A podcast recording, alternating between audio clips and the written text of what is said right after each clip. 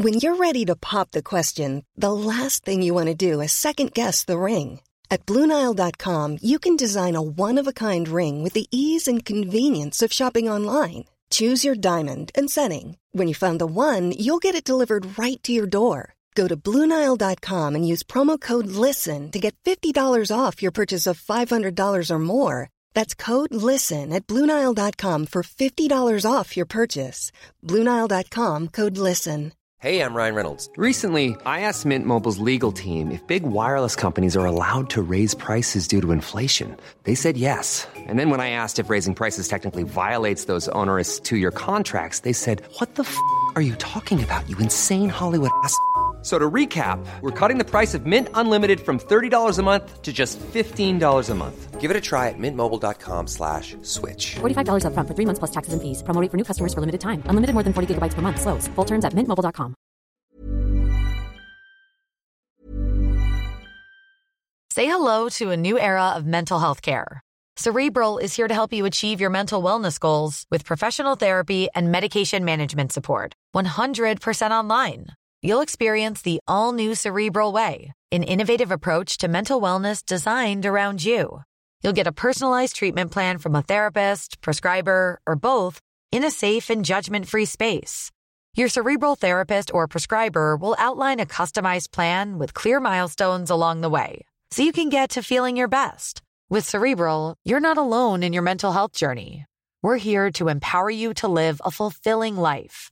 So take that first step towards a brighter future and sign up today at cerebral.com slash podcast and use code ACAST to get 15% off your first month. Offer only valid on monthly plans. Other exclusions may apply. Offer ends July 31st, 2024. See site for details. Hey, I'm Ryan Reynolds. At Mint Mobile, we like to do the opposite of what Big Wireless does. They charge you a lot, we charge you a little. So naturally, when they announced they'd be raising their prices due to inflation, we decided to deflate our prices due to not hating you. That's right. We're cutting the price of Mint Unlimited from $30 a month to just $15 a month. Give it a try at mintmobile.com slash switch. $45 upfront for three months plus taxes and fees. Promo rate for new customers for limited time. Unlimited more than 40 gigabytes per month. Slows. Full terms at mintmobile.com.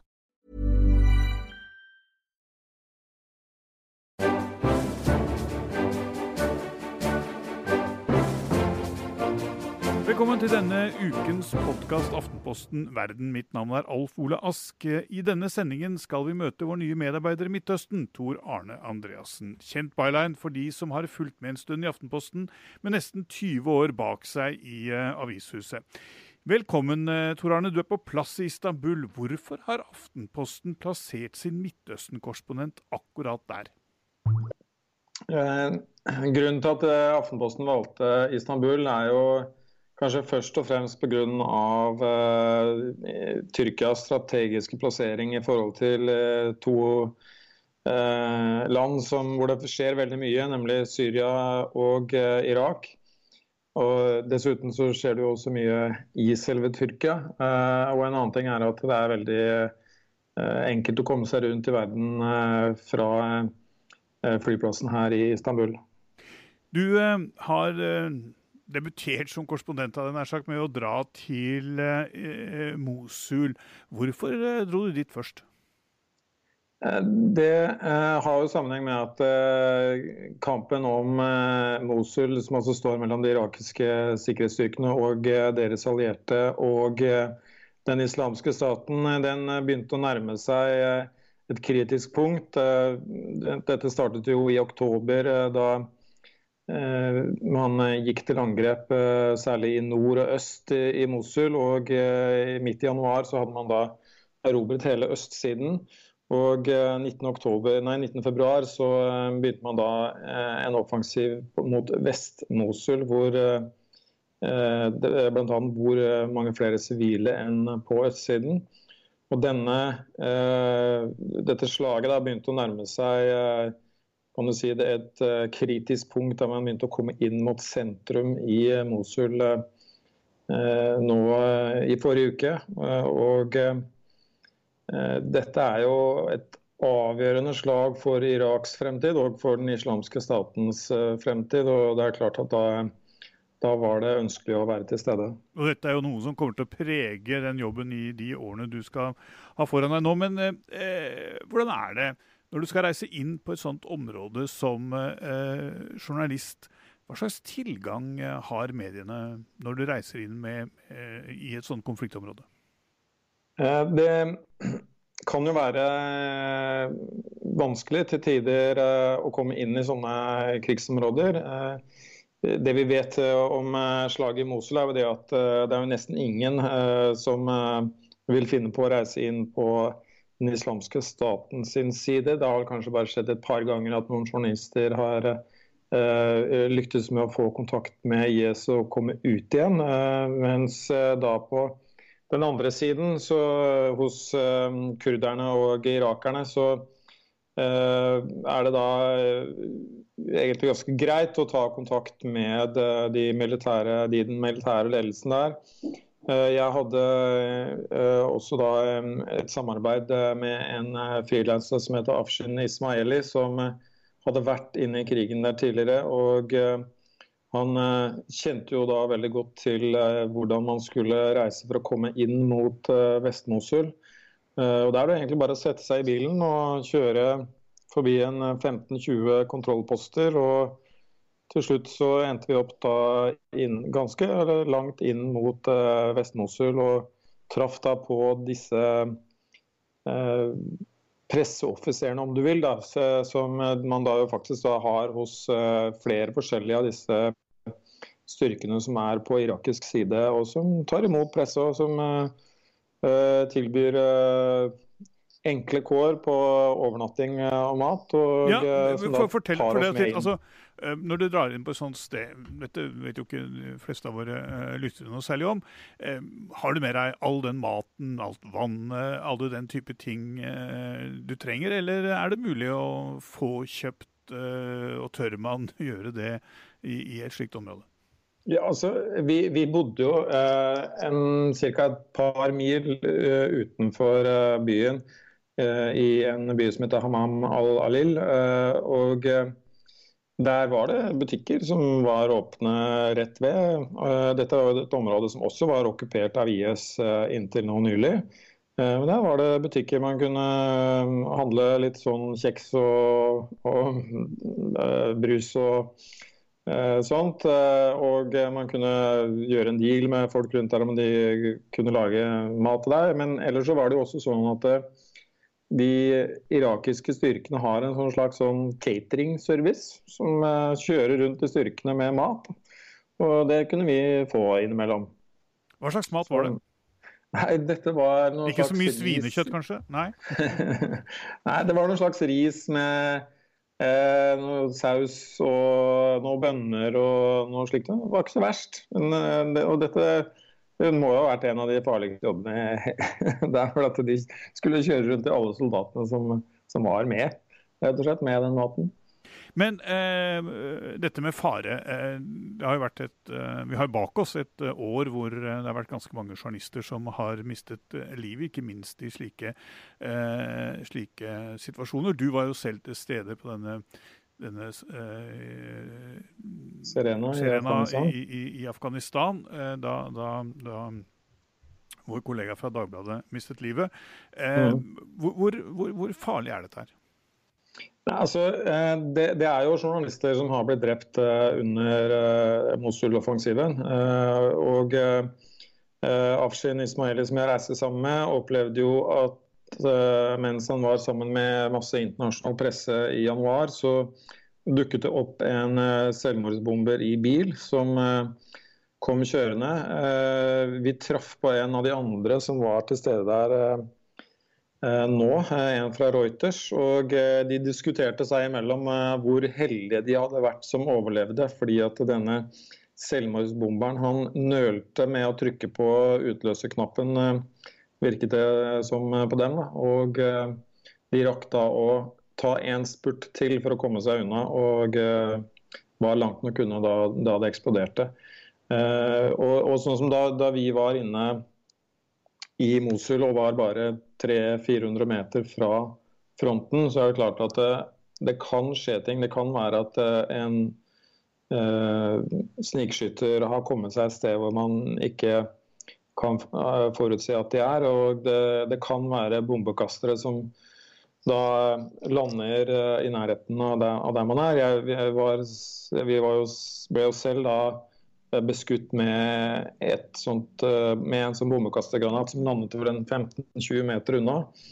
Uh, og, og, Hadde den truffet uh, litt uheldig for oss, så kunne jo noen ha blitt skadet og drept. Det kan, det kan skje. Men eh, en ting er journalister. Vi drar jo inn i sånne områder frivillig. Vi har returbillett. De som mm. virkelig lider her, det er vel flyktningene. Og det, ja. det er vel ikke minst i denne, i denne Syria-Irak-IS-krigen. Ja, det er klart. Eh, nå er det vel nærmere seg en halv million mennesker som har flyktet ut fra Mosul etter at eh, krigen startet eh, i oktober. Bare siden 19.2 så har over 180 000 flyktet fra Vest-Mosul. Men likevel så regner man med at det er vel en 400 000 som er igjen. Og disse 400 000 befinner seg jo i en helt prekær situasjon. Eh, da, da, jeg var der inne, så traff jeg på noen eh, av de få som var igjen i de boligområdene som vi kom inn i, hvor altså, IS var jaget vekk. og I en hel gate der så var det kanskje bare seks familier som var igjen. Jeg fortalte en familie som, som vi traff på der. og de hadde veldig dårlig tilgang på mat. Det fantes ikke noe vann i rørene. og Strøm var det ikke. og De viste oss hull i takene etter bombe, bombekasternedslag. Og, dette var, og dette var en bydel som var relativt forskåna fra det verste. De, den bydelen vi håpet å komme inn til, det, det, som vi hadde hørt mange flyktninger fortelle om at det hadde vært mye ødeleggelser, der, der var det for mye snikskyttere som skøyt.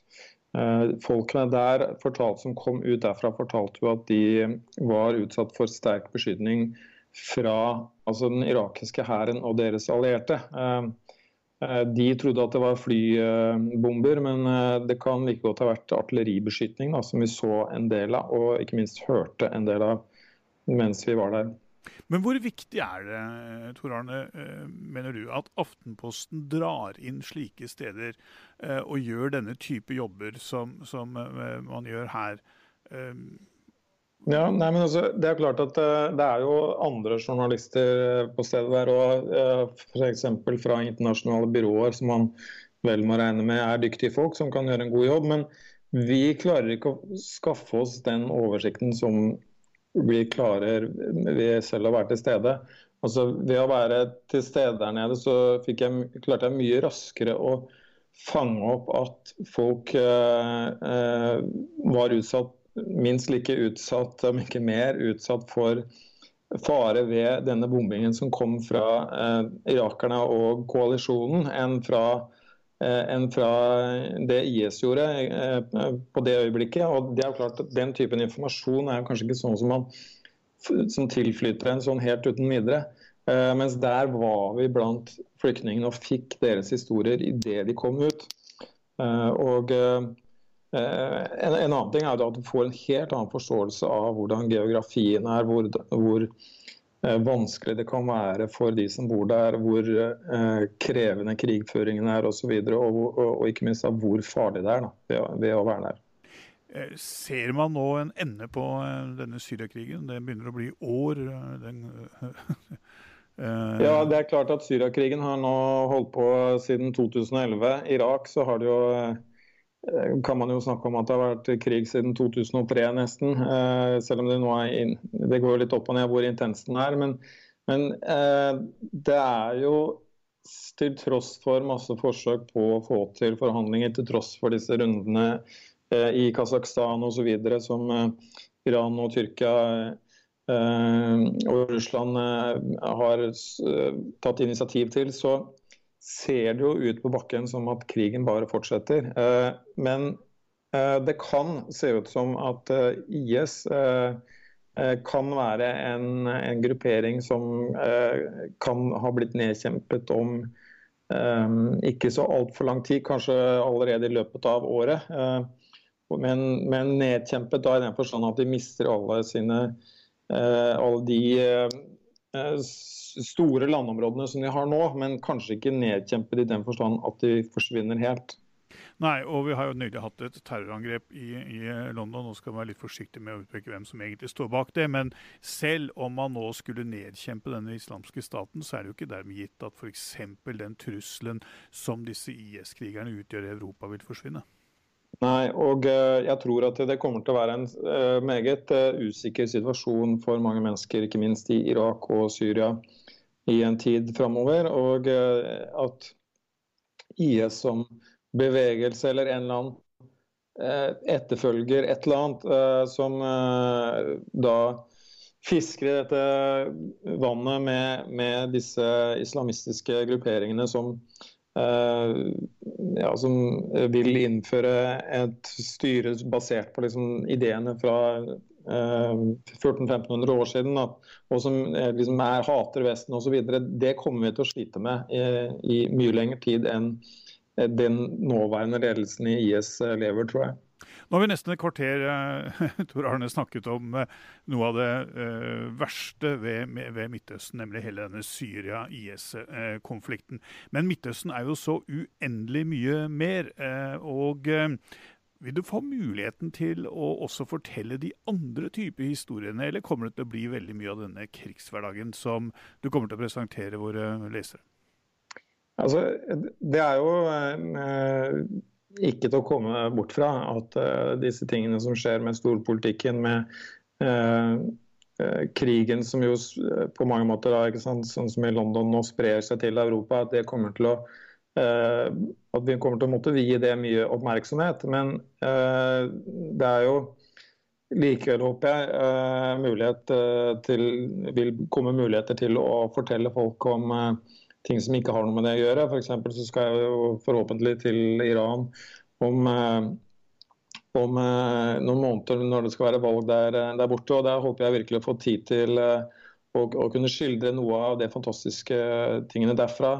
Jeg Uh, håper jo også å kunne få reist uh, rundt, rundt, i både Midtøsten og Nord-Afrika og kunne fortelle en, en, del om ting om, som, som, ikke bare er konfliktstoff. da. Du må komme deg til Iran og spise litt iransk kaviar, og ikke minst gå i, i basaren for å kjøpe deg et teppe. Det, det er det kan, ja, det... det kan varmt, varmt, anbefales. Hvis du først går inn der, så kommer du vel ut med et teppe, tenker jeg. Ja, enten det flyr eller ikke. Men eh, du skal bo i uh, Istanbul eh, de neste par årene som uh, vi var eh, innom. Det er bare mm, ti måneder og vel så det siden det var militærkupp der nede. situasjonen er spent. det er et land med store spenninger. Hvordan merker du det i hverdagen? Ja, altså, for det første så merker du det ved at er områder som egentlig burde vært fullpakka med turister nå, de, de er ikke det. Eh, det er jo et kjempeproblem for mange som lever av det. De Restaurantene ikke så, eh, har ikke så mye gjester. Eh, de som driver i businessen med hotell eller med eh, omvisninger og sånn, sliter eh, nedover langs eh, kysten hvor eh, det er massevis av hoteller osv. De, de står tomme, mange av de. Eh, og sånn det er et kjempeproblem økonomisk for landet. Eh, og også når jeg snakker med folk som har vært her lenger enn meg, så forteller jo det at, at denne serien med terrorangrep som skjedde i fjor, det, det har gått utover utover humøret her at uh, man uh, føler at uh, det, det, er ikke så koselig som, som det var før. Men, men, jeg tror at dette er noe som man i andre byer som har vært utsatt for terror, kommer, kommer til å komme seg over. Men selvfølgelig i Tyrkia så sliter man jo også det med, det med de politiske spenningene da, som er internt i landet, her, som ja, man kanskje er verre å, å komme over. Ja, Det var det jeg mente. Og, og, men hvordan merker du det i dagliglivet? Altså, jeg tenker på Nei, I forhold til altså, pressefriheten, i forhold til å kunne bevege seg, ha kontakt med folk, uh, den type ting? Ja, altså, det er jo um, relativt uh, greit med pressefriheten for meg som, uh, er, kommer utenfra. Men jeg hører jo fra noen utenlandske kolleger at de føler at de må passe litt på hva de gjør, sånn at de ikke blir, blir for upopulære helt unødvendig. Og vi vet jo det at det er tusenvis av journalister som har mistet jobbene sine, og, flere hundre som sitter i fengsel. Eh, og at det er eh, mange andre eh, yrkesgrupper med, folk som da har blitt en slags stats, statsfiender etter statskuppet. Ikke fordi de nødvendigvis har gjort noe galt, men fordi det er et, et paranoid, paranoide myndigheter da, som slår hardt ned på enhver form for opposisjon. Tor Arne, du er kjent som sykkelfantast. Du driver jo og sykler med øh, Trondheim, Oslo og uh, den type ting. Jeg har nå vært i uh, Istanbul, og trafikkbildet der er, er jo ikke akkurat tilpasset uh, syklistene. Du, kan du sykle der? Nå gleder jeg meg til å få sykkelen min ned da, neste gang jeg er hjemme. Om, jeg kunne ikke ta med den til Mosul, så den skal jeg ta med ned nå. Så får vi se. Det kan hende at det bare må stå eh, og, og sykle på en rulle her, men, uh, ute på verandaen. Men uh, jeg skal prøve, og så får vi se. Det er jo noen utrolig bratte bakker her som uh, man helt sikkert kan få noen utfordringer i. Men det er også mye trafikk, så må kanskje være litt forsiktig. Men du kan jo kanskje lage en sykkelguide-reportasje fra Istanbul? Ja, ja. Og tvers over Tyrkia. Det må vi få til. det hadde vært fint. Ja, det er iallfall en utfordring eh, som du har et par år på deg til å eh, gjennomføre. Vi eh, setter sluttsterk der. Dette var det vi hadde i denne utgaven av sendingen. Vi ønsker Tor Arne lykke til i et spennende område. Og dem som vil følge ham, kan gjøre det både på Twitter og Facebook. Og reportasjen hans finner du på alle plattformer. Ja, også i papir i en postkasse nær deg. Mitt navn er fortsatt Alf Ole Ask. Og vi er tilbake igjen om en uke.